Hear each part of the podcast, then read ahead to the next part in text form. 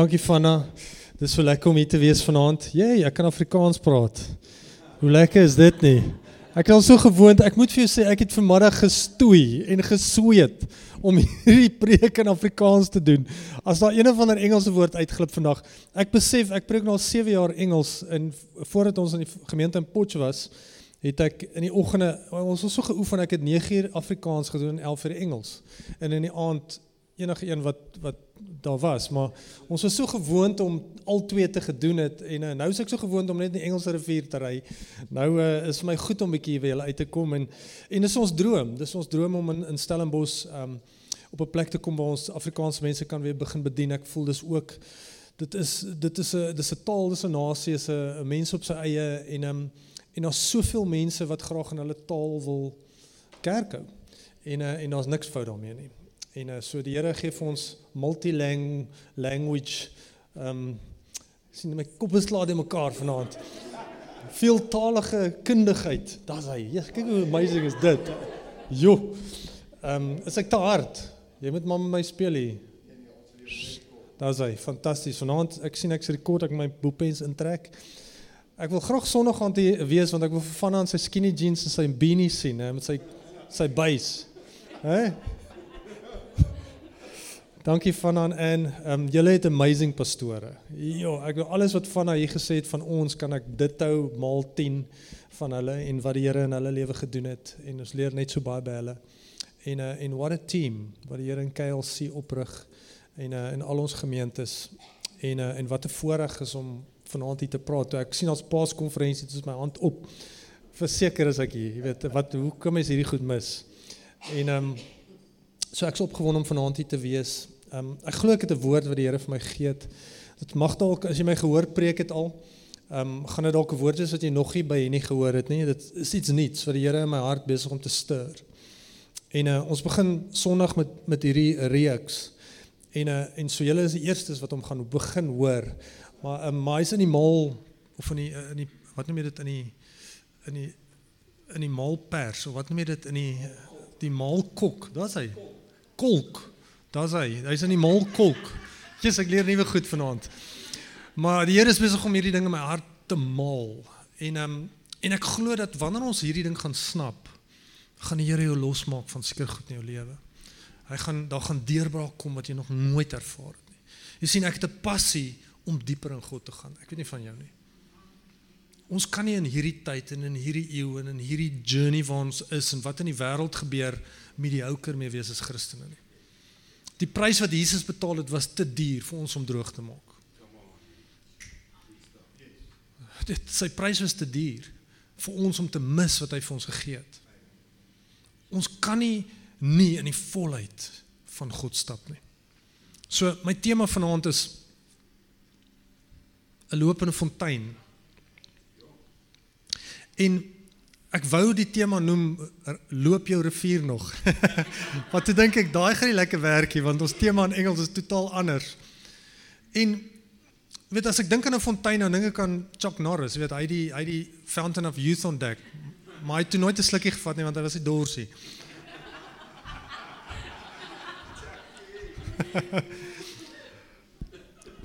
maar ons almal hou van riviere. Jy weet ons ons hou van riviere. Ek het langs 'n rivier groot geword. Wie van julle het langs 'n rivier groot geword? Ons het langs die mooi rivier groot geword. Hy was alles behalwe mooi. Maar vir my was hy mooi want ek het groot geword langs hom.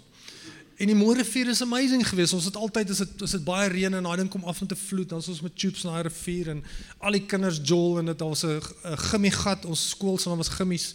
En ons het 'n gimmie gat gehad waar jy gaan swem taboe in die swembad. Jy gaan swem swem in die in die gimmigat in die rivier en dis waar die kinders uitgehang het en ons gaan laf van die rivier 30 km van Potchefstroom was die Vaalrivier en daar het ons gaan river raft en ons het soveel goed gedoen en riviere was deel van my groot word in my lewe.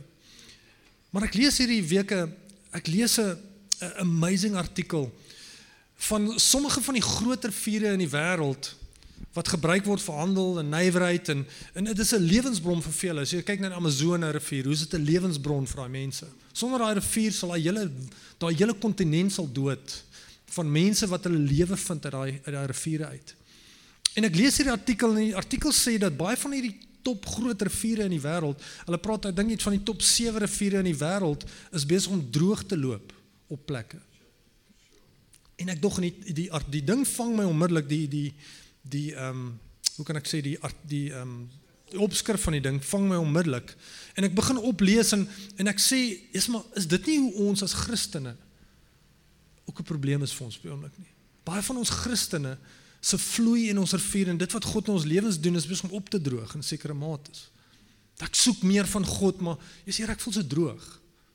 Praat ek met iemand vanoggend?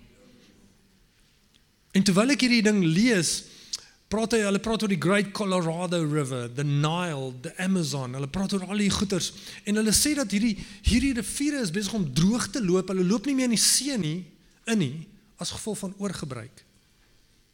As gevolg van 'n oorgebruik van 'n rivier, vol van takke wat hulle vorm om as gevolg van boerdery te nywerheidsgebiede. As jy kyk na die Colorado River, the Great Colorado. I mean, daai ding is amazing. Ek gaan deur die Grand Canyon. Dit is 'n fenominale rivier. Um ek wil nog gaan wil gaan Right River raft op daai ding. Is van die bestes in die wêreld.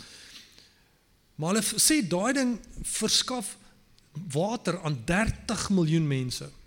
30 miljoen mense. En vir 2300 km ver voorsien dit water vir alle boerderye en nywerhede soos wat afgaan na die see toe. En as gevolg van dit loop hy nie meer in die see nie.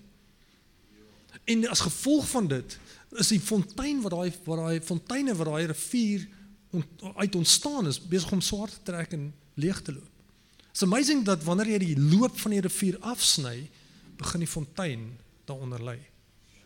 It's amazing. Ek het, dit is vir my iets wat ek lees die ding en ek dog dis amazing. Nou hierdie tref my wanneer die gedagte dadelik opgekom. Hierdie is 'n beginsel vir ons as gelowiges. Dis 'n beginsel vir ons as gelowiges. Hoe lyk jou fontein? Hoe lyk die bron van God in jou lewe? As jy voel, "Jesus, maar ek voel nie meer so lekker passievol oor kerk, oor die Here, oor dit." Hoekom nie? Loop jy in die volheid van wat God vir jou het? Nou ek wil lees van ehm um, Johannes 7 en John 7 en my skrif is Engels. Verskoon maar, dis maar net hoe ek dink. Um, ek dink ek kan nie onthou waar my Afrikaanse Bybel is nie, maar maar ek het van hulle. Ek het 'n YouVersion. So I say John 7:37 to 39 in NIV say on the last um, on the last and greatest day of the festival Jesus stood and said in a loud voice, "Let anyone who is thirsty come to me and drink. Whoever believes in me as as scripture has said, rivers of living water will flow from within them." Rivers of living water will flow from within you. Jy sien, voor bekering is ons gees droog. Ons gees is droog, is dit nie? Ja, ja. Jy jy voel droog, jy voel ver van die Here af, jy voel, Jesus Here, ek soek meer van U of daar's iets. Ek weet nie wat nie, jy weet, dis hoekom die jeug van vandag kyk al hierdie snert van supernatural en heroes en alles, want daar's 'n soeke na 'n deity na 'n bonatuurlike wese want dit is soeke in my hart is deel van my DNA. En voordat ons regtig die Here erken en in in plek kom van bekering in ons lewens, is daar 'n droogte vir God. Daar's 'n droogte vir meer. Selfs baie keer wanneer jy tot bekering gekom het, kom jy op plekke in jou lewe wat ek voel, Here, maar ek voel so of ek in 'n droogte tyd is. Ek soek meer van U. Ek wil U teenwoordigheid ervaar. En ek ek weet nie van julle nie, maar ek het 'n ek het 'n groter en 'n groter behoefte in my lewe om God se teenwoordigheid op 'n tasbare manier meer te ervaar. En as jy in kerk sit en jy sit in worship soos ons nou en was, dan dan moet 'n behoefte wees om God tasbaar te ervaar. Wanneer 'n profeet in 'n kamer instap, wat is die eerste ding wat jy dink? Oh, Here, gaan nie met my praat vanaand. Hoekom? Want ons is soeke na God. Daar's 'n soeke na wat hy sê, daar's 'n soeke na sy stem, daar's 'n soeke na aanvaarding in my lewe. Psalm 36 vers 8 en 10. Dit sê die volgende. Dit sê hoe kosbaar is u trou, o God.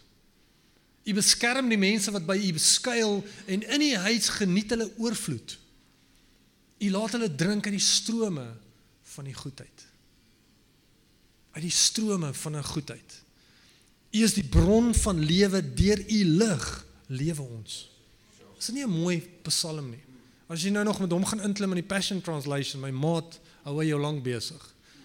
Maar hy praat hier van 'n rivier. Strome kom net uit 'n rivier uit, maar daar's 'n rivier wat God ons laat drink van sy goedheid. Is dit nie amazing nie? Ek weet nie van julle nie, maar my hand is op. Al twee my hande is op. My voete is op. Ek soek van daai goedheid. En en as jy hier sit vanaand en jy weet nie jy soek nie, jy, jy soek na daai goedheid. Daar's 'n behoefte in jou hart om te soek na meer van God se goedheid. Maar so baie Christene het 'n behoefte van hierdie meer van God, meer van die rivier om in ons gees in te vloei. Ons wil hê daai rivier van God moet in ons hart, in ons gees invloei. Ek weet nie van julle nie, maar ons moet honger na 'n refreshing elke dag. 'n Verfrissende oomblik. Baie keer, ek weet nie of jy al julle al daai daai ding gehad het van jy het 'n moeilike week of jy het 'n moeilike dag gehad en en jy gaan sit by die Here in die oggend en jy maak jou Bybel oop. En jy voel ek sien eens lus om hierdie ding te lees vandag nie. Come on. Ek wat moet ek lees? Here, ek voel net nie lus nie. En jy begin jy maak jou oë toe en jy sê Here, ek het U nodig en die refreshing kom. Dit sal so baie gebeur. Ek kan onthou toe ek ek in Salome met 'n studentegemeente met just was amper 1000 studente in Potch gelei. En um, dan het ek al 'n diens gehardloop in Parys, deurgejaag ter Potch so diens 11 uur diens gehardloop. Huis toe gejaag, gou iets geëet, klaar voorberei, kampus toe gejaag en moes bid saam met my span en ek kom na maar ek so moeg, ek kan nie staan op my bene nie. En ek dink nou moet ek bid en ek moet lei en ek moet preek en ek en ek sê Here, wanneer gaan hierdie ooit ophou? En sodra ek my taal begin bid, onmiddellik kom maar refreshing. Kom. Jy sien ons is gebore met 'n behoefte en 'n soeke en 'n honger na refreshing wat God gee vir ons. Maar daar's 'n sleutelaspek wat so baie gelowiges mis vir so lank al dat hulle kry nie daai volheid nie, hulle kry nie daai diepte nie. Hulle soek meer van God, maar hulle bly voel, Here, maar wanneer gaan hier? Wanneer gaan ek goed genoeg wees? Wanneer gaan ek gelowig genoeg wees? Wanneer gaan ek eh, selleier word? Dan sal ek dalk goed genoeg wees dat U dieper deur my lewe begin werk. Daar's 'n sleutel vir ons as gelowiges en daai sleutel mis ons om dieper te gaan. Dis nie God se hart is nie net dat die rivier in ons moet invloei nie. Maar sy hart is dat die rivier deur ons moet vloei. Ons kyk so baie obese Christene. Here gee, gee, gee, gee. Nog, nog, nog, Here, nog. Maar hy is nie bereid om te gee nie. As die dooie see is dood vir 'n rede want hy het geen uitvloei nie. Maar sodra daar uitvloei kom, pomp hy fontein en die see vloei en daar's lewe en daar's refreshing, daar's nuut. God se hart vir jou en vir my is nie 'n invloei maar 'n deurvloei. Nou in werklikheid die krag van hierdie rivier wat in ons lewens invloei, se krag word eksponensieel sterker sodra dit 'n kanaal raak wat deur ons lewe vloei. Wanneer dit net in jou lewe vloei en jy maak jou eie dammetjie tot jou tone nog so 'n bietjie uitsteek en jy sit nou lekker in die dammetjie. Sodra daai dinge kanaal raak in hy hart, dan begin hy sterker vloei deur jou lewe. Die salwing in jou lewe raak beter en sterker. Die wysheid raak meer hoe meer jy begin gee. Sien, dis die sleutel wat soveel gelowiges mis in hulle verhouding met God. Dat ons wil hê, maar ons wil nie gee nie. Ons wil ontvang, maar ons is bang om te gee. Ek kan onthou toe ek junior was op universiteit. Ek was tweede jaar op universiteit en ek het 'n seller gehad en hy ek is so happy in myself want ek kom aan 'n kuier en is so lekker en tot die dag het hy vir my sê hoor ek trek jy vat oor. Ek sê vir hom daar's nie manier in die pel. Daar is nie ek is nie geestelik genoeg nie. Ek kan my woorde nog so goed onthou. Ek is nie geestelik genoeg nie. Hy sê, "O, dis oké. Okay. Jy begin Woensdag aand." Ek sê jy nou net gehoor wat ek sê. Hy sê, "Ja, moenie worry nie. Die Here sal En en dit dit is nou oor 2 weke en ek vergeet van die ding en daai woensdagoggend SMS hom sê hey nee ek sal klaan Joburg is jy reg vanaand ek bid vir jou. En die vrees van die Here kom so oor my. Ek sê Jesus Here nou moet ek move. Ek weet nie wat gaan ek doen nie maar ek het in vrees en beweringe aangekom en nooit weer teruggekyk nie. Want ons roeping in elkeen van ons lewens om 'n kanaal te wees van God se goedheid. Sien God het jou nie gered om 'n blessing te soek nie, maar ook om 'n blessing te wees in jou lewe konstant. Jy sien dit soos 'n rivier wat deur jou vloei. Hy voer vloei in jou. Hy's 'n blessing vir jou, maar hy vloei deur jou na ander. As die Here vir jou bless met geld, maak seker jy's 'n blessing vir ander. Moenie gaan chips koop by die kafee en dink, "Jesus, nou kan ek 5 pakkies koop." Nee nee, koop 4 vir iemand anders en vat een, maar wees 'n blessing. Dis hoe God ons gemaak het. Ons sien tydens daai bekeringsoomblik in ons lewens is die blessing en die verfrissing van God se rivier so amazing. Ek weet nie of julle kan onthou die dag toe jy tot bekering gekom het nie. Ek onthou die dag toe ek 13 was op AGS kamp en die Here vul my met die Heilige Gees en hoe ek kom en, en ek kan daai verfrissing van God ervaar en ek kan voel hoe daai rivier uit my binneste uitvloei soos wat Jesus gesê het Johannes 7. Maar so so baie Christene voel deesdae dat die riviere droog geloop op soveel plekke in my lewe in my verhouding, my huwelik, my werk, my besigheid. 'n Droë oomblik. Ons almal kan vir verenselwig met dit. Sien so baie van ons het nog nooit eens die volheid van hierdie blessing van hierdie rivier van God se van God se troonkamer af ervaar nie.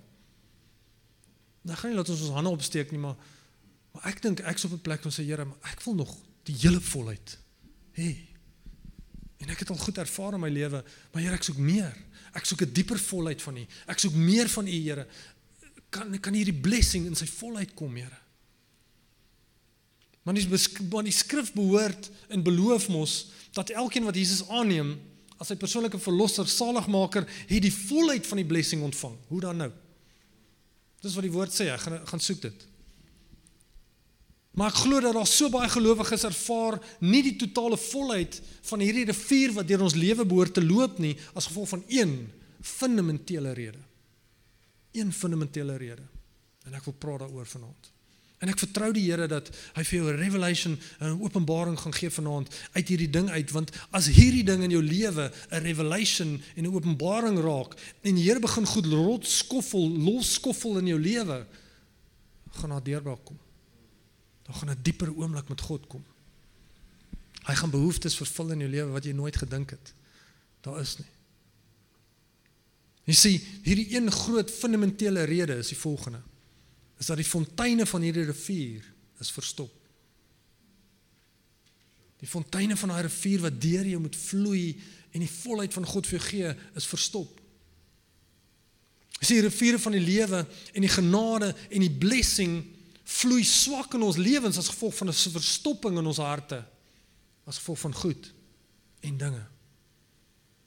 En vir 'n lang tyd sit ek al en mediteer op hierdie ding. Sê Here, hoe hoe kan ek hierdie ding preek? Hoe kan ek hierdie ding gee? Hoe kan ek ek en Salome het deur 'n klomp goed getrap 'n paar 3, 4 jaar terug en en die Here het klomp goed ons op begin openbaar en ons het tot skok besef dat me 20 jaar in bediening maar ons het hierdie fundamentele ding wat 'n verstopping in ons harte en 'n verstopping in die fontein van God in ons lewens veroorsaak het.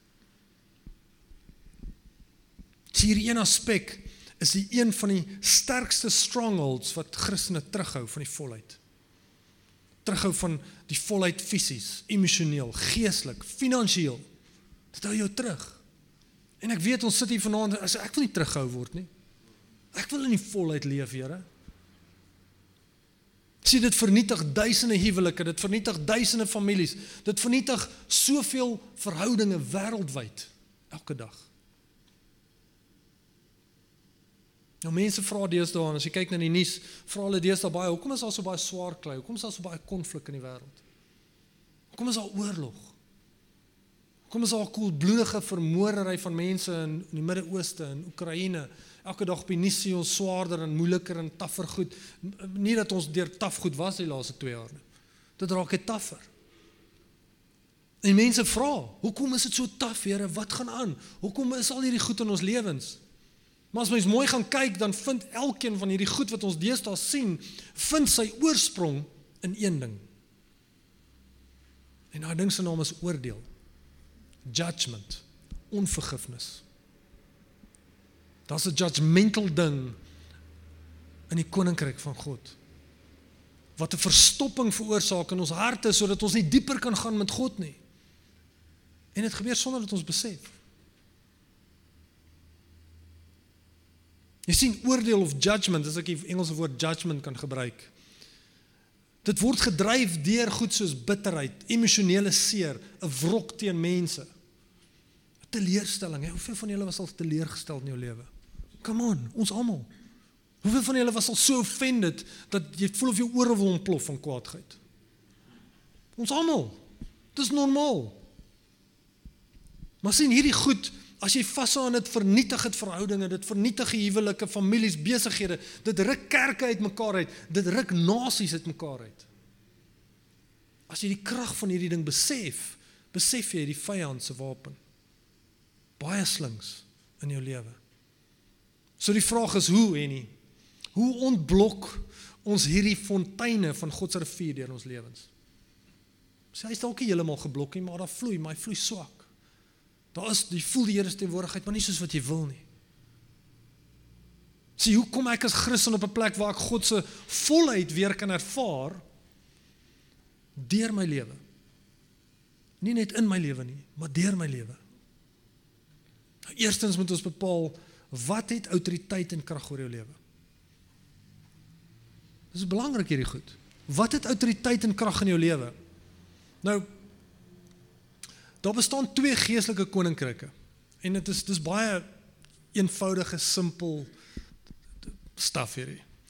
Maar ons moet baie keer die simpel, eenvoudige goed verstaan om die krag van daai wapen van die vyand te verstaan. Daar's twee koninkryke. Baie maklik. En en maak nie saak wie of wat jy is of jy glo of nie glo nie, jy gaan onderwerp aan een van daai twee koninkryke. Jy kan nie op jy kan nie 'n draadsitter wees nie. Sê jy maar ek's 'n ateë, ek glo niks nie. Sorry, jy glo in die koninkryk van duister. Of jy glo in die koninkryk van lig. Een van daai twee koninkryke. Hoor wat sê Lukas 17 vers 20 tot 21. Now, when he was asked by the Pharisees when the kingdom of God would come, he answered them and said, The kingdom of God does not come with observation. Nor will they say, here, See here or see there, for indeed the kingdom of God is within us. Within us. Binne jou. In jou gees. Dis Jesus sê dat die koninkryk van God, die lig, die koninkryk van lig is nie 'n plek waarna ons gaan nie of wat ons sien nie of wat ons verbyry en waai nie. Dis 'n geestelike geloofsposisie. En daai posisie is 'n plek waar ons toewy aan waar ons onsself toewy aan die autoriteit van God in ons lewens. Sê en hierdie koninkryk Here is u die autoriteit in my lewe. Ek gee u alle autoriteit in my lewe. Dis die platform, dis die plek waarvan ek leef, dis die waardes wat ek bou in my lewe en dis ek noem ons die koninkryk van God of die koninkryk van lig. Jy stap in daai koninkryk in die dag wat jy jou hart vir die Here gee. En jy stap uit die koninkryk van duisternis uit. En die Bybel is vol van dit. Hoe jy van lig na duister gaan. Hy is die lig van die wêreld en nou maak hy jou die lig van die wêreld sodra jy ek kan aan en aan en aan gaan. Maar sien as ons leef in die koninkryk van God soos Jesus gesê het in Johannes 7, wat gebeur? Dan sal 'n rivier uit ons uitloop. Wat sê Jesus? The kingdom of God is within you. Waar sal die rivier vanaf loop? Van van within. Dis 'n rivier van die koninkryk van lig uit God uit. Uit sy troonkamer uit.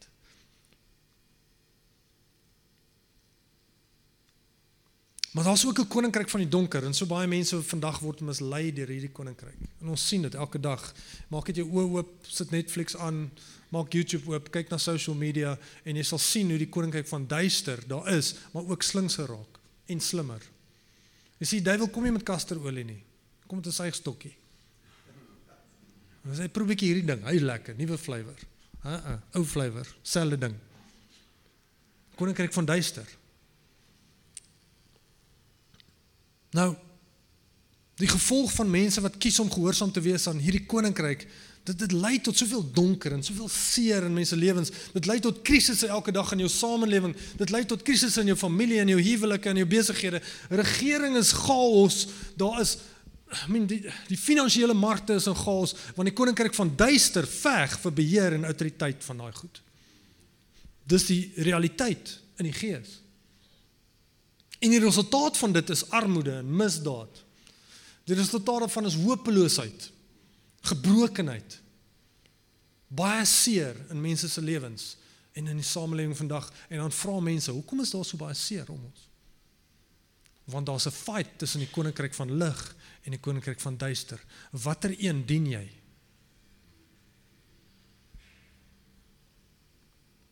Sien 'n goeie voorbeeld van dit is is atomiese krag. God gee vir die mense hierdie incredible uitvinding van atomiese krag wat die potensiaal van dit verander mense se lewens in terme van kragvoorsiening, maar kom die koninkryk van duister, wat doen hulle? Hulle verander hierdie ding en die mense vrees en daar's verwoesting as gevolg van dit. Koninkryk van lig, koninkryk van duister. Groot verskil. Maar as gevolg van die mense donker intensies is atomiese krag gebruik vir al hierdie goeders wat nie bedoel is vir nie. Elkeen van van hierdie twee koninkryke het twee magte.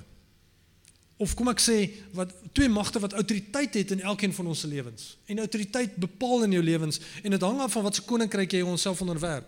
Maar ek kan amper sê dat kom kom ek sê dit so dat die fondasie van elkeen van hierdie koninkryke het twee sleutels van elkeen van hierdie koninkryke. En hierdie twee sleutels het 'n massiewe impak op jou lewe. Kom ek verduidelik vir julle dit so. Die koninkryk van lig het twee sleutels: mercy en honor. Nou ek weet daar's 'n klomp goeters, maar maar hier's twee fundamentele sleutels en julle sal sien later hoe ek hierdie ding ontpak en uitpak. Ek gee nou vir julle die eerste deel van omtrent 4, 5 hoofstukke. Maar ek wil die die basis en die die die saad van hierdie ding in jou hart drop vanaand. Die koninkryk van lig het twee sleutels: mercy en honor koninkryk van duister of donker, judgment and shame. Oordeel, vernedering, geen respek nie. Hoeveel van julle het al gevoel, jy's mense nie respek vir my nie. Ek stap hier in en ek voel so verneder. Of ek voel so veroordeeld. Ek het nou nie iets reg gedoen nie.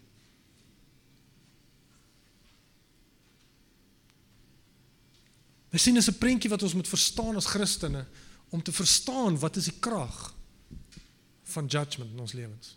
Nou, ek gaan nie vanaand praat oor honor of oor shame nie. Dit sal nog kom. Jy kan ons podcast luister, podcast luister later. Maar ek wil praat oor mercy en judgment. Jy sien baie mense sien oordeel net as 'n gesonde kritiek of 'n uitwys van foute. Hey man, ek kan mos my sê sê, dis mos niks fout daarmee nie, nie. En jy's reg. Maar wat gebeur in jou hart as jy dit sê? Jy sien dit gaan alles oor jou hart. Wat jy wanneer jy dit sê. Wat se koninkryk beheer jou? Wat se autoriteit dryf jou? Dis Jesus het ons gesê die koninkryk is nie iets wat ons sien nie, maar dit is binne my. So wat gebeur in jou hart wanneer jy vir iemand 'n fout uitwys? Sien wat ons nie altyd besef nie is dat ons judge, ons oordeel. Daar's oordeel in jou lewe en hierdie oordeel is 'n geestelike krag, is 'n geestelike force. En en ek beloof jou hierdie ding vernietig alles om hom. Dit doen. Dit is 'n geestelike krag wat goeters uit mekaar uitslaan in jou lewe sonder dat jy dit besef en wanneer jy dit besef is dit te laat. En dan's goed verpletter om jou. Sien, dit is so kragtig. Hierdie force, hierdie krag van judgment was so kragtig dat Jesus moes aarde toe kom en dit oorwin. Wat het gebeur in die tuin van Eden? Adam en Eva, appel, boom. Duiwel sê, judgment, dankie. En van daardie dag af het hy judgment oor die mense gehad. Daar was oordeel. Daar was geen genade nie. Daar was sonde, daar was I mean dit was dit was 'n taaf tyd daai dink ek. En hulle die wet van Moses gehad en al daai goed, maar dit was so wetties dat die wet as jy net bietjie sonde doen vrek jy net hier. Jammer vir my Afrikaans. Dit is hoe dit was. Toe die wet geïnstalleer was op daai oomblik toe Moses van daai berg af kom die 10 gebooie, toe gaan daar onmiddellik 300 000 mense dood. Boom. Want dis wat die wet is. Waar daar wet is en daar sonde is, daar dood. En Jesus kom sê, ek is die lam. Ek betaal. Gee daai oordeel gee daai judgment.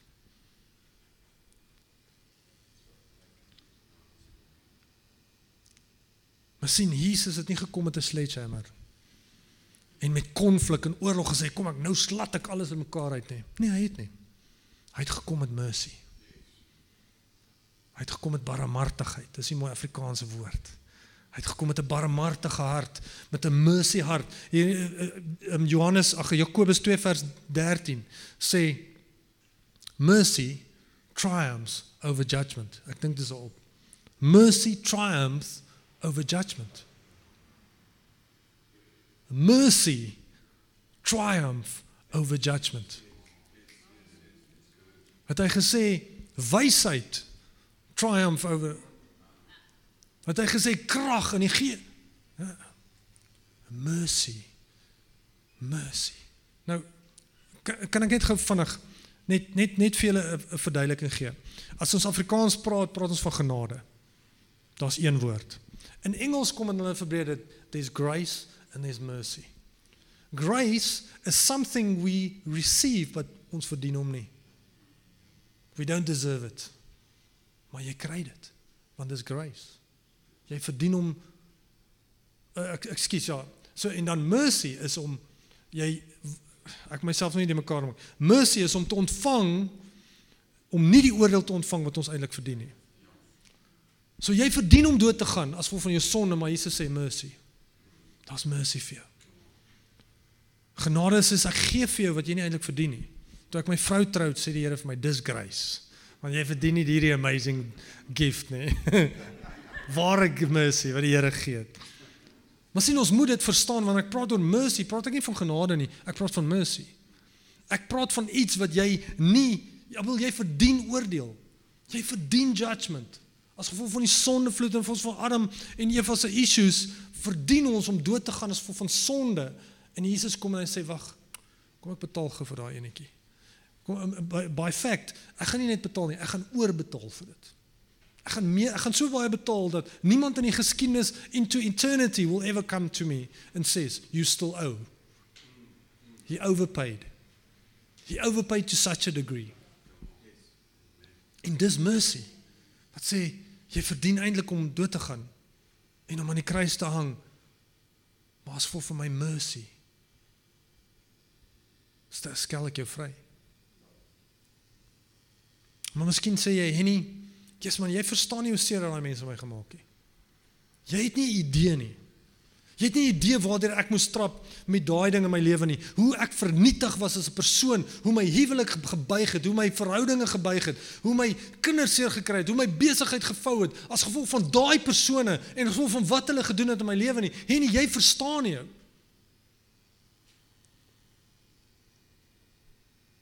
En jy verstaan nie hoe daai persoon my huwelik uitmekaar het geskeer het nie. Jy verstaan nie die pyn waardeur ek moes gaan om daai ding deur te battle nie. En as ek daai persoon se gesig sien, kan ek nie anders as om te judge nie. My hart raak kwaad. Hoe vergewe ek dan so iemand hê nie?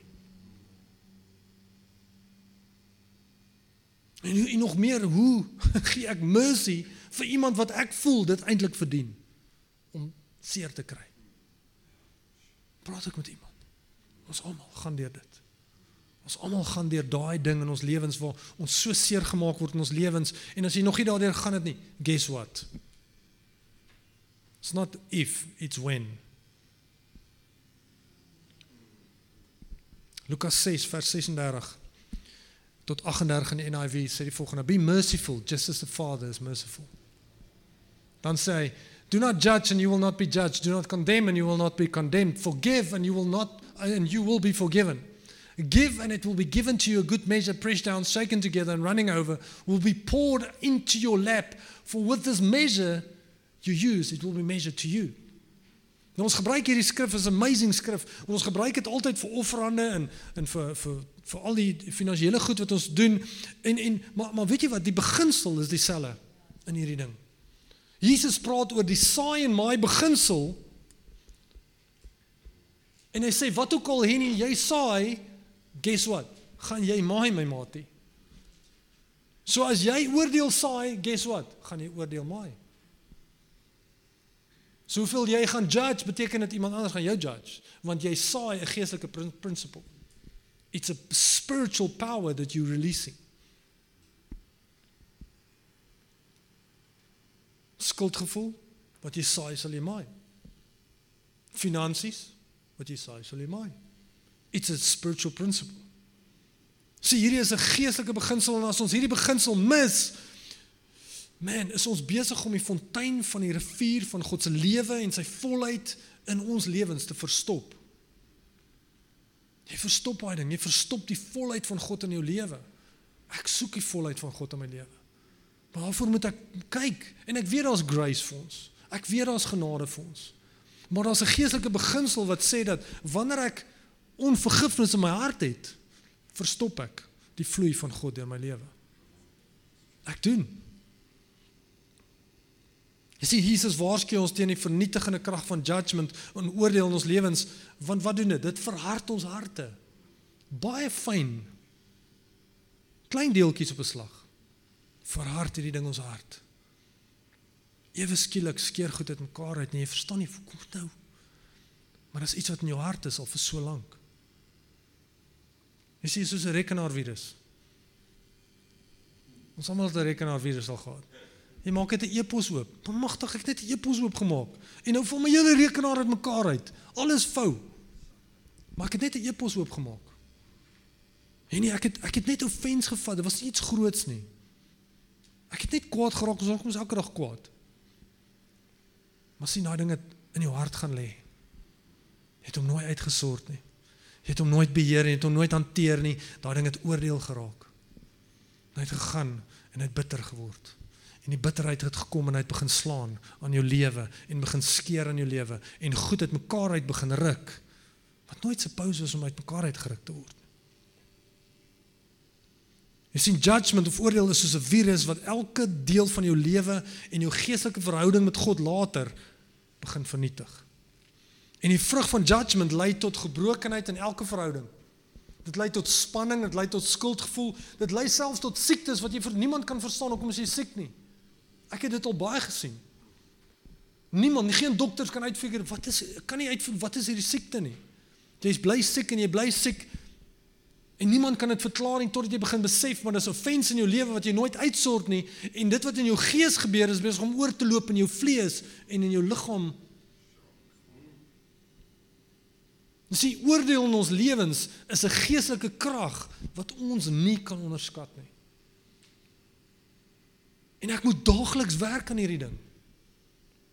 Ek moet daagliks werk om te kyk, daai ding wat ek daai dag, daai offense wat ek gevat het, daai oomblik wat ek kwaad het, het ek iets in my hart oor daai ding? Is ek besig om oordeel te dink en te spreek en te mediteer oor daai persoon? Is ek besig om te judge? Ah, oh, daai kerk, ja, hulle dink hulle is goed. Hulle dink hulle is cool. Maar hulle het net 'n band en 'n groot gebou en alles en voor ek my kan kry ek as pastoor begin judge oor iets wat nie my plek is nie. Want God het nie vir my judgment gegee nie, he gave me mercy because mercy triumph over judgment. So hoekom so hoe oorkom ons al hierdie houvas op ons lewens? Sins jy begin dink aan al hierdie goed in jou lewens en jy dink bietjie, wie het jou kwaad gemaak in die laaste 6 maande en vir wie jy nog steeds kwaad? Wie het jou offend in die laaste paar jaar in jou lewe? Wie het jou weerhou van goeders in jou lewe? Wie het daai pos gevat wat jy eintlik moes kry as gevolg van vrou? I mean, ek kan aangaan en aangaan. En hoeveel van daai goed hou jy nog vas in jou lewe en daar kom 'n judgment in. Daar kom 'n oordeel in jou lewe wat hou vas het op jou vloei van God se teenwoordigheid in jou lewens. Nou vers 36, die eerste vers sê be merciful just as your father is merciful. Nou as dit kom by mercy, hoe vergelyk ek myself met God? Ek lees daai ding ek dog Hoe kan ek mercy wil wees soos die Vader? Is dit ooit moontlik? Hoe in die lewe kan ek die mercy, die barmhartigheid hê van God in ander mense se lewens? En dit blaas my brein, ek dog, Here, maar is dit moontlik? Die judge and condemn and forgive and give, daai is maklik, kan hy netjie doen. Maar om merciful te wees soos God. Hoe? Hoe doen ek dit? Ek het begin met 'n skrif in Johannes 7 vanaand. Kan jy teruggaan na die heel eerste skrif toe? So vinnig spring na hom toe. Een, daar's hy. Wat sê? Wat as jy dors is, wat doen jy? Kom drink. As jy dors is, kom drink. En lewende water sal uit jou binneste vloei. Nou hou vas.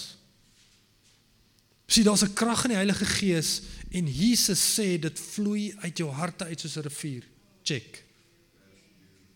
Maar Jesus het nie gesê as jy in my glo, kan jy al die kennis en wysheid ontvang wat jy wil hê nie.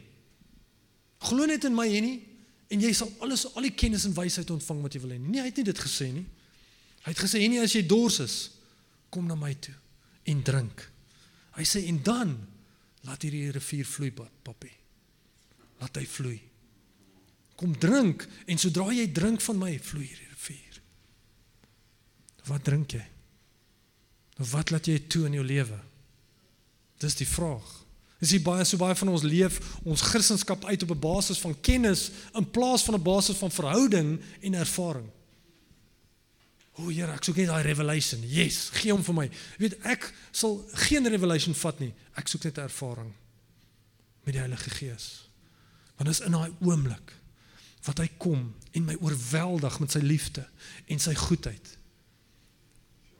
sien disippels toe hulle gevul is met Heilige Gees. Raai wat hulle gedoen? Hulle het nie gekom in kerk gehou nie. Gaan lees 'n bietjie Handelinge. Hulle het hulle het wel kerk gehou op Sondag, maar hulle het gekom nagmaal gehou en gebid. Want hulle het meer gesoek van daai ervaring. Hulle het meer gesoek van daai tonge van vuur wat hulle lewens radikaal op sy kop kom draai het. Is dit nie wat ons moet fokus op nie? Nou ek sê nie Ek ek is 'n pastoor, ek love dit om te preek.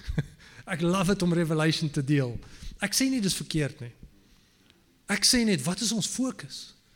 Is ons fokus kennis of verhouding?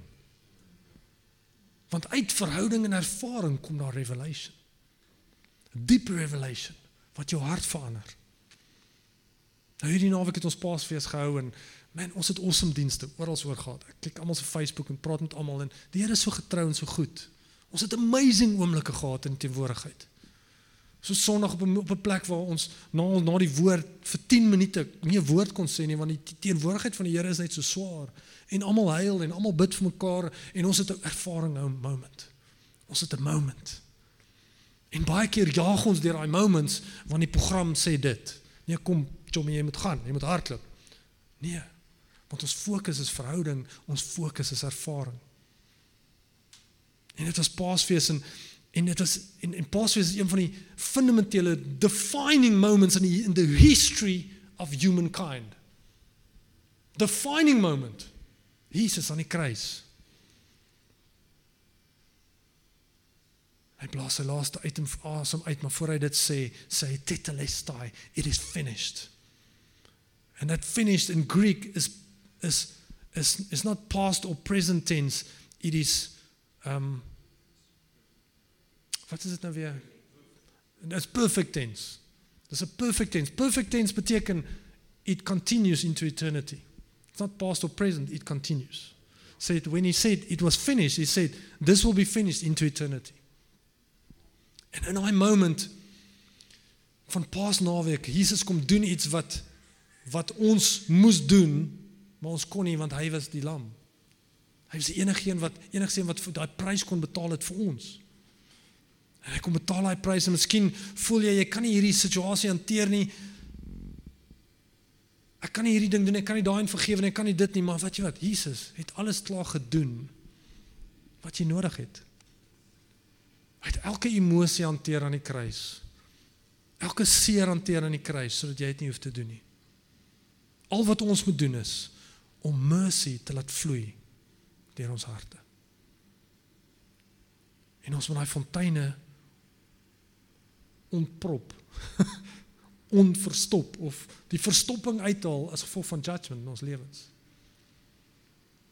Nou hoor gou hier, ek wil julle los met een revelation aan die einde. Die laaste boek in die Bybel en die laaste hoofstuk van die laaste boek, Revelation Openbaring 22, sê die volgende.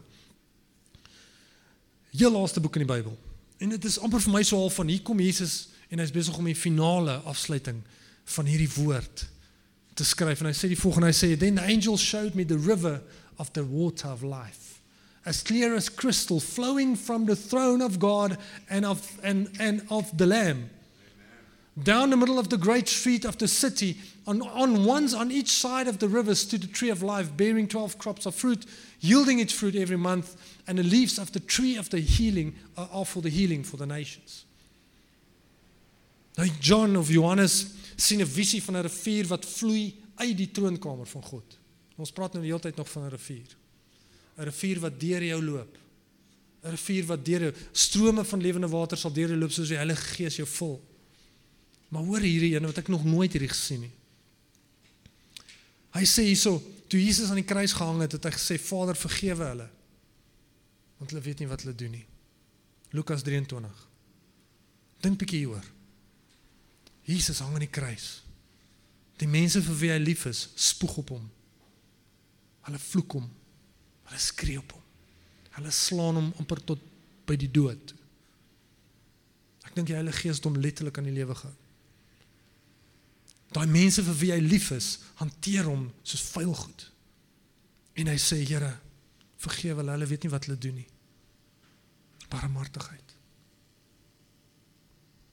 Sy al wat die mense vir wie hy lief was wat op hom geskree het, het Jesus gesê, Here, ek kies mercy. Ek kies mercy. En toe Jesus aan die kruis gehang het, het die deur van die hemel na die aarde oopgegaan. Hier met weet toe Jesus sê it is finished en hy sy laaste asem uitblaas, wat het gebeur? Die die die die kleed, die gordyn van die allerheiligste en die teenwoordigheid van God weggehou het van die mense as gevolg van die wet. Toe Jesus sê dis klaar, sê die wet is dood. Boom. En daai kleed het geskeur hoe? Van bo na onder. Van hemel na aarde. Wat het Jesus gesê? As in heaven, so it will be on earth. So my presence is coming in if you will like it or not. En die teenwoordigheid van God het inge I mean ek bedoel hy het ingeskeur in in die so in so kragtig dat die aarde geskit het. Die rotse het ontplof en die dooies het almal opgestaan. I mean daai is pretty powerful. Maar in daai oomblik het Jesus die deur geword van mercy na ons toe. God, die rivier vloei van God se troon af. Luister mooi. Die rivier vloei deur Jesus as die deur in ons lewens in. In jou lewe. En nie maar ek weet nie hoe om mercy te gee nie want ek's nie God nie. Jy hoef nie God te wees nie. Die rivier vloei deur Jesus wat betaal het. En we are the righteousness of Christ in Jesus, in Christ. So wanneer jy mercy kies in jou lewe, beteken dit Here, ek ervaar en ek aanvaar en ek ek Here, ek embrace hierdie rivier wat deur U loop. Al wat jy moet doen is klim in daai rivier van mercy. Sodat daai rivier deur jou loop. En sodat jy kies om te sê Here, ek kies mercy vandag. Ek kies mercy. There's a river of mercy that is flowing. Sien die prys wat Jesus vir ons betaal het, het mercy kom losmaak sodat ons kan in staat wees om die rivier van mercy te kan staan en dit te ander toe te kan kanaliseer. Jy kan nie mercy gee as jy dit nie ontvang nie. Jy kan nie. Wanneer ons riviere van mercy deur ons lewe laat vloei, bring ons genesing. Man, ons gebring genesing in, in almal van ons om ons se harte. ek en Salome is deur 'n rowwe ding. Ons 4 jaar terug en ons is 25 jaar in bediening. En uh, ons is in 'n gemeente in, in Stellenbosch niks in die gemeente, ons love die gemeente. Maar na 3 jaar in die gemeente is ons gevra om te loop. Op 'n baie moeilike manier. Ons vir 8 maande gesit sonder werk en en in daai tyd het ek deur baie diep wroging in my hart gehad teenoor mense wat ons baie on, onnodig sleg hanteer het wat ons lewe en die mat onder ons uitgeruk het op so 'n manier en vir ons gelag het en oor ons geloop het. Sy so bus het nie net oor jou gery nie, hy het oor jou gereverse ook. En ons is op daai plek waar waar ek sit en die, in die Here begin met ons praat op 'n wegbreek en langs die see en ons begin praat en ons begin dink en ons begin gaan vir counselling bietjie en ons begin ding en die Here drop 'n ding in ons harte oor judgment. En ek begin neerskryf oor Here wat se judgment ek in in my hart teenoor mense. En ek begin name neerskryf. En ek begin neerskryf en ek en ek besef dat Here maar ek laat nie mercy in my lewe toe nie. Ek harbor hierdie ding in my hart. En daar's geen rivier wat deur my kan vloei nie. Inteendeel, ek het die verste van die Here af gevoel daai tyds ooit. En ek weet as jy as jy in die wildernis is, praat die Here min. maar ek het gesukkel om sy teenwoordigheid te ervaar, want daar was soveel judgment in my lewe en ons lewens. En sodra toe ons hierdie ding ontdek en ons besef, Here, maar ons is besig om 'n krag, 'n geestelike krag te voer wat nie die koninkryk van lig is nie, maar die koninkryk van duister. Ons is besig om te te speel op die stoep waar die vyand wil hê ons moet speel wanneer ons geroep is om op die troon te sit langs God. Mede-erfgename. En ons besef ons staan hier al omdat net omdat ons oordeel in ons harte het teenoor mense. God het ons nie gesit nie. Inteendeel, ons het gekies om hier te staan. Ons het gekies om teenoor mense te dink en te sê wat ons mos maar reg want dit alles dit is hoe dit is. Maar ons harte was op 'n baie slegte plek. En van daai dag af, wat ons doen is as ons as ek in 'n oomblik staan en ek loop na daai mense vas, dan sê ek die volgende: Here, dankie vir u mercy. Hey, hoe gaan dit met jou? Dankie vir u mercy, Here. Dankie. Ek release dit. Ek spreek dit. Ek laat hierdie rivier vloei deur my. En vir die eerste keer in ons lewens begin die Here gebrokenheid herstel. Hy begin sekere houvasse op ons losmaak. Hy begin ewe skielik deurbrake bring in ons lewens. Sean begin met ons chat. Die Here begin ons align op 'n sekere plek om op die regte plek in te loop. Maar as ons vasgehou het aan 'n sekere ding in ons lewens en ons het op hierdie stoepie van die Satan gespeel en gedink, ja, ons is ons kan mos maar hartseer wees want ons is ontneem van sekere goed in ons lewens. Ons het 20 jaar gegee van ons lewens vir hierdie goed en nou ruk die mense net hierdie goed uit ons hande uit. Here, hoe onregverdig is hierdie goeters? En ons het sê, Here, ek wil eerder hier kom sit by U. En ek wil sê mercy. Mercy vir jou. Mercy. Here, dankie dat hierdie rivier van mercy deur my vloei. En dat strome van lewende water sal deur my gaan. En sodra ek drink van hierdie water en die rivier begin loop, kom daar genesing. Daar kom maturity. Daar kom meer van God. Daar's nie meer 'n droë oomblikke in my verhouding met God nie. Daar is nou lewe. Nou kan ek ewe skielik hoor ek die Here se stem in worship. Ewe skielik ervaar ek die Here se teenwoordigheid terwyl ek bid. Ewe skielik maak die Here die woord vir my oop soos hy nog nooit gedoen het nie.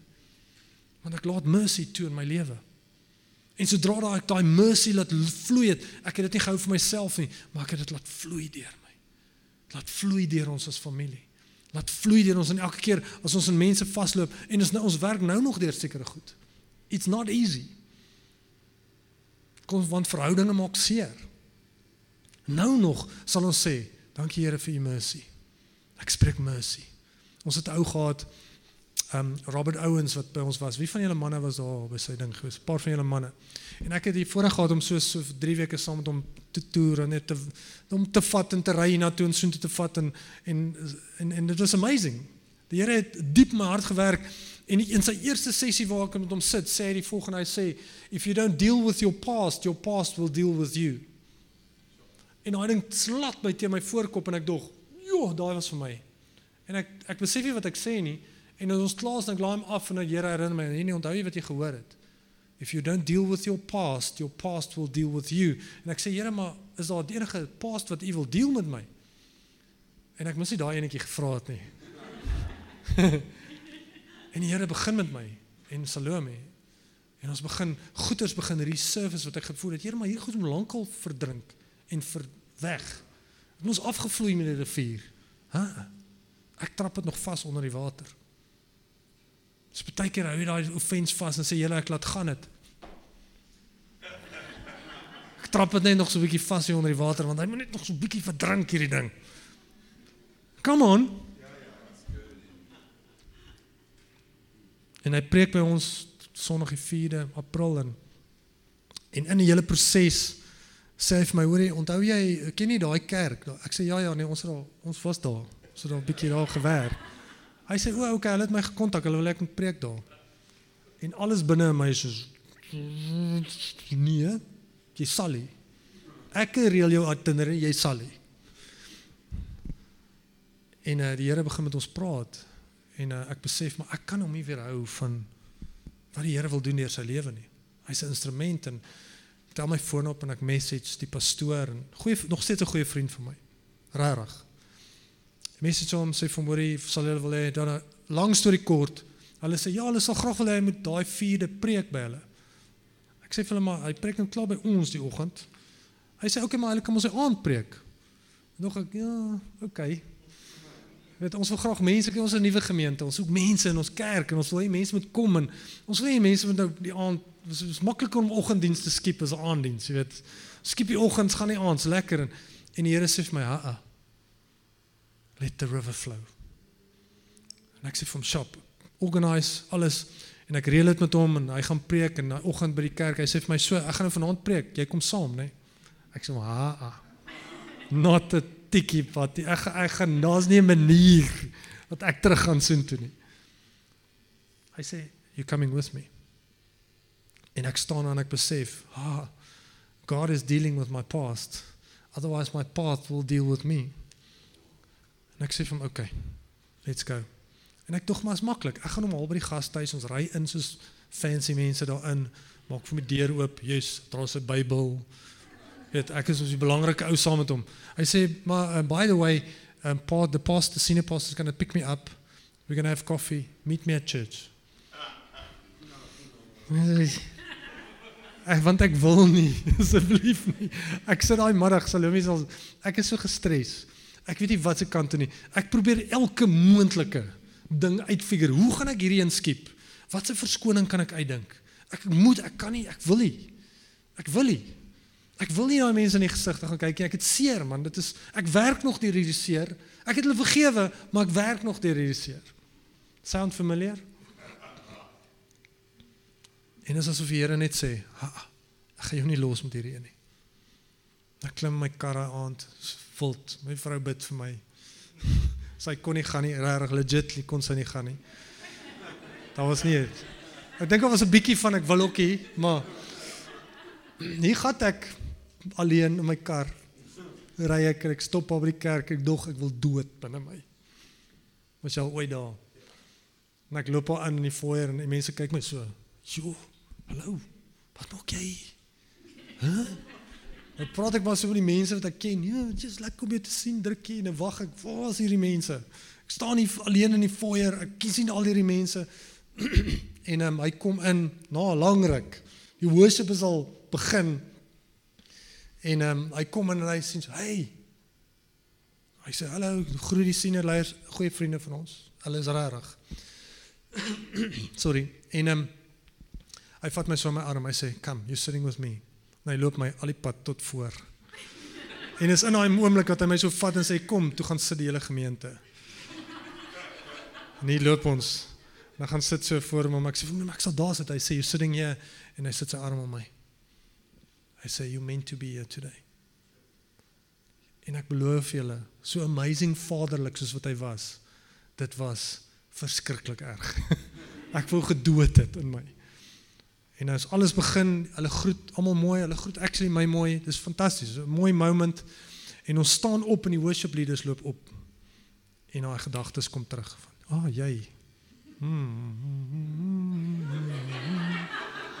Al daai goedjies wat jy gedoen het teenoor ons. Kom nog eenetjie op oor daar. Is ek gaan deur hierdie wrogings in my hart van ek kan nie glo ek staan hier nie. Hoe hoe hoe jy's 'n hypocrite man. Jy weet dan al daai goed gaan in my hart en my lewe en my gedagtes en ek staan daar en die Here sê vir my hierdie dinge sê nie.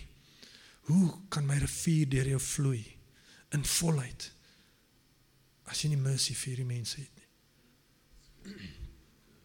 How can I work with you, bless your church, bless you, do everything through you that I want to do and you not forgiving? You don't have mercy. En as ek ek is nie so trots was nie, het ek daar neergesak op my gesig. Maar in drie liedjies kom die Here en hy draai my hart so. Maar daai derde liedjie is my arms in die lug. Want ek wil dans, ek wil sing, ek ervaar die mercy, daai rivier van mercy deur my. Deur my lewe. Na daai tyd ek, wie kan ek hallo sê voor? Hey! Mense kom na my toe, daar is hier en daar iemand wat my vir my is fine. Bless jou. Ek SMS sommer ou. Hey man, ek het jou gemis. Waar was jy? Ek wil vir jou hallo sê. En en met geen cruelty, cruelty nie. Ja. Why? Because the mercy, die die rivier van mercy het deur my geloop na iemand anders toe. Dit was nie net 'n iets ek hou vir myself nie, dit was 'n kanaal deur my lewe wat ek toegelaat het. En ek staan daar en ek maak my boek oop en ek sê okay Here, nou is ons in die vloei. Praat papi. En die Here gaan vir my name gee. En ek begin skryf, daai persoon, daai vriend, daai persoon daar, George, daai enetjie, daai ene daar en ek skryf en die Here sê sê vir daai en dit. Sê vir daai en dit. Now you dealing with your past. I want you to deal with this so that I can do bigger things through your life. Don't make this thing a big thing. Moenie vashou aan hierdie klomp snert hierso, hierdie jakkaltjies wat om jou om jou enkels karring nie. Ek het jou geroep vir groter goed. Iets gaan in my lewe los en ek besef hierdie ding pla my. En ek loop aan en ek ek voel vry. Ek en Salome praat daaroor en dit's nog taaf en ons werk nog deur dit. Maar wat ek nou doen is ek remind myself as ek dink aan daai goed sê ek mercy. Mercy. Thank you Lord, mercy. Ek het nou al hard op my kar, dan kom maar 'n ding op van iets wat ek dink, hoe dis ek kan nie glo hulle dit doen. Oh, mercy. Dankie Here. Ek spreek mercy oor daai en onmiddellik is goed weg. Because I'm not letting the power and that force of the kingdom of darkness rule me. I'm letting the kingdom of light direct me. Dis waar ons wil gaan. En en en ek wil hierdie los by julle vanaand. En ek ek praat nou lank. 20 minute van o nee, dit gaan nie 8 uur af die krag nie.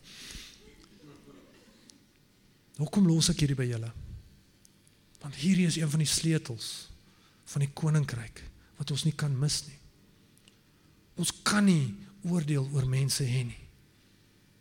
Wat van hierdie as hulle my regtig offend? Dan gaan na iemand toe, bid saam met daai persoon en sort daai situasie in jou hart uit. Moenie daai ding los nie. Want daai ding gaan 'n issue in jou lewe raak en dit gaan soos 'n rekenaar virus wees wat kom alles verwoes op elke plek, elke verhouding, jou besigheid, jou familie, jou kinders. Dis wat die vyand se plan was. As ek julle net kan kry om terug te gaan na die judgment. Waarvoor Jesus klaar betaal het. Die vyand wil nie ons moet in judge. Hy wil nie ons moet in mercy wees nie. He hates mercy. He hates grace. Because it's everything that goes against what he is. He is the father of lies and doubt. En Jesus sê ek kon met alle force my vinger geklap het en 300 miljoen duisend engele kon daar gewees het my van die kruis afgehaal het, maar ek het hier gelê, gehang. En ek het alles gevat. Ons praat paasoggend oor Jesus wat die wyn gedrink het. En hy die eerste keer die wyn, as jy kyk in the Gospel of Luke, Mark and Luke, he refused to drink the wine. Only drank the wine before he died. But the first time, die eerste keer toe hulle die wyn vir hom gee, was dit gemeng met mirre. En dit was 'n drank wat die Romeinse soldate gegee het vir die kruisiging pasiënte om nie te kan voel nie dit alle inhibisie, alle emosie, elke gevoel weggevat en jy was gedrak en jy dood gaan. En hy het gesê nee, dankie. Ek soek elke bietjie. Elke inch van suffering soek ek om seker te maak ek betaal vir hierdie judgment. I'm not going to leave everything, anything. I'm taking everything. En Jesus het daai kruisgang vir ons elkeen en gesê ek vat alles vir jou. Elke laaste bietjie. Moenie vashou aan daai ding nie. Moenie vashou aan daai ding wat jou doodmaak nie. Want dit maak jou dood. Dit hou jou van God af weg en dit verstop die vloei van God in jou lewe. So vanaand wil ek 'n oomblik skep en ek wil my vrou vra om te kom speel. En ons kan nie 'n woord soos hierdie los net nie. Jy kan nie dit net los nie. Ek vertrou dat die Here het iets in jou hart losgemaak vanaand. Miskien is dit net een dingetjie gewees. Een klein dingetjie. Miskien is dit 'n naam wat die Here vir jou gegee het en gesê daai ding. Ek moet daai ding uitsort. Ek kan nie daai ding teen my hou nie. Ek kan nie daai ding ek kan nie ding haber in my hart nie. Ek kan nie in 'n gesprek inloop waar daar begin skinder word en sodra ek my kry daar judgement, tweedehands offense in my hart is vol van mense nie. Ek moet daai ding uitsort. Kan ek julle vra om julle oë toe te maak? Jesus.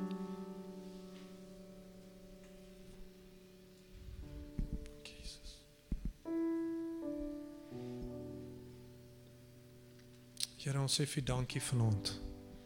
Dankie vir u woord. Dankie vir u woord wat kragtig is, Here, maar dankie vir u prys wat u betaal het.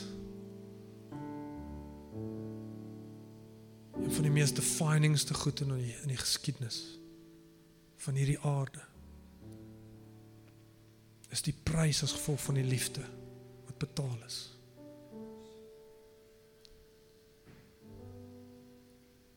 Here, ek sê vanaand vir dankie vir elkeen wat hier sit vanaand. Here, ek vra dat dat U vir ons die boldness sal gee om vanaand te stop met hierdie judgment in ons lewens. Om vanaand te breek met iets wat ons weghou van die volheid af. Om vanaand te settle met daai offense in ons harte wat ons weghou van ervaring met U teenwoordigheid, Here.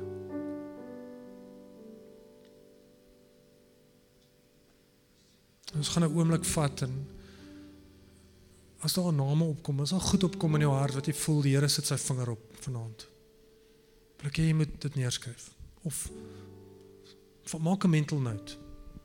Maar moenie vanaand hier instap, uitstap en sê, "Ja, okay, dit was 'n cool preek. Great. Kom ons môre aand." Moenie uitstap. Don't let your past deal with you before you could deal with it.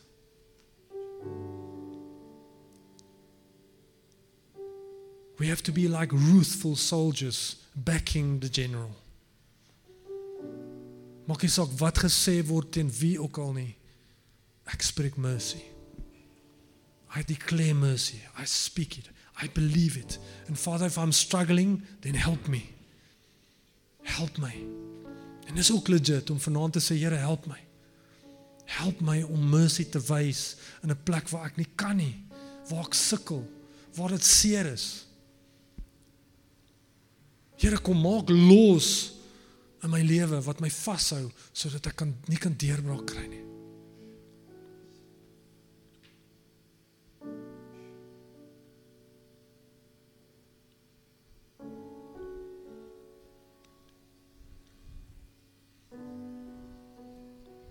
Jesus.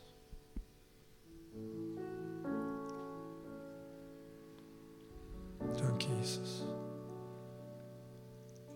Ek glo in ek glo in prophetic things.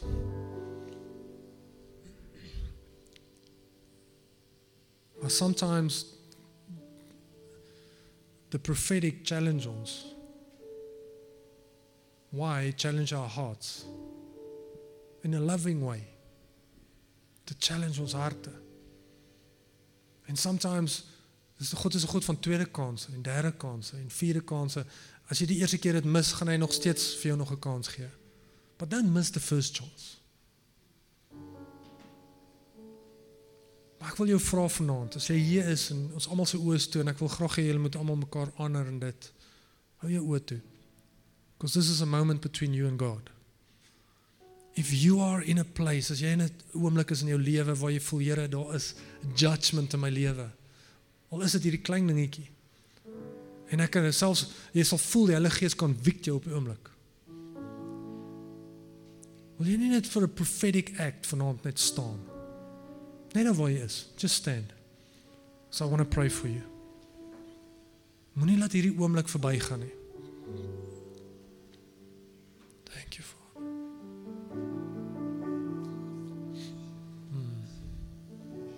Jesus.